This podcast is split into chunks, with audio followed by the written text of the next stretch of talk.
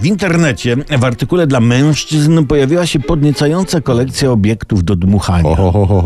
Podobnych w kształcie, choć różnych, o rozmaitych, choć zbliżonych parametrach. Przedstawiono 10 alkomatów domowych. Da? Chodzi o to, żeby przed jazdą samochodem sprawdzić, w jakiej sytuacji promilowej kierowca się znajdywa. Ceny tych alkomatów domowych to, to one się wahają od stuporu, nie, przepraszam, od stu paru złotych do tysiąca złotych. Ten za stówkę mierzy od 0 do 2,5 promila, więc praktycznie umożliwia jazdę, prawda?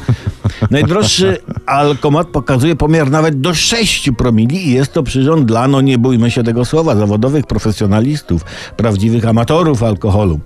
Tak, no, na rynku jest wielki wybór tych alkomatów domowych. Sęk w tym, że policja nie bierze pod uwagę pomiarów dokonywanych takim alkomatem właśnie domowym. Liczy się tylko pomiar wykonany alkomatem policyjnym, który z natury swej jest nieczuły, prawda?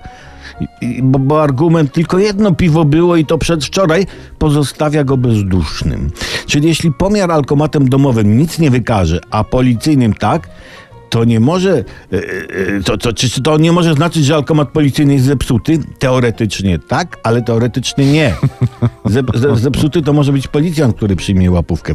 Znaczy, jak widać, nie warto wydawać na alkomaty domowe, a po imprezie, no nie wiem, typu karnawałowa, coś tam, coś tam, najlepiej zatrzymać się przy pierwszym napotkanym patrolu, niech zbada, czy mogę jechać, czy nie mogę. Albo od razu dzwonić na policję. Niech przymkną, no, po co się po pijaku męczyć.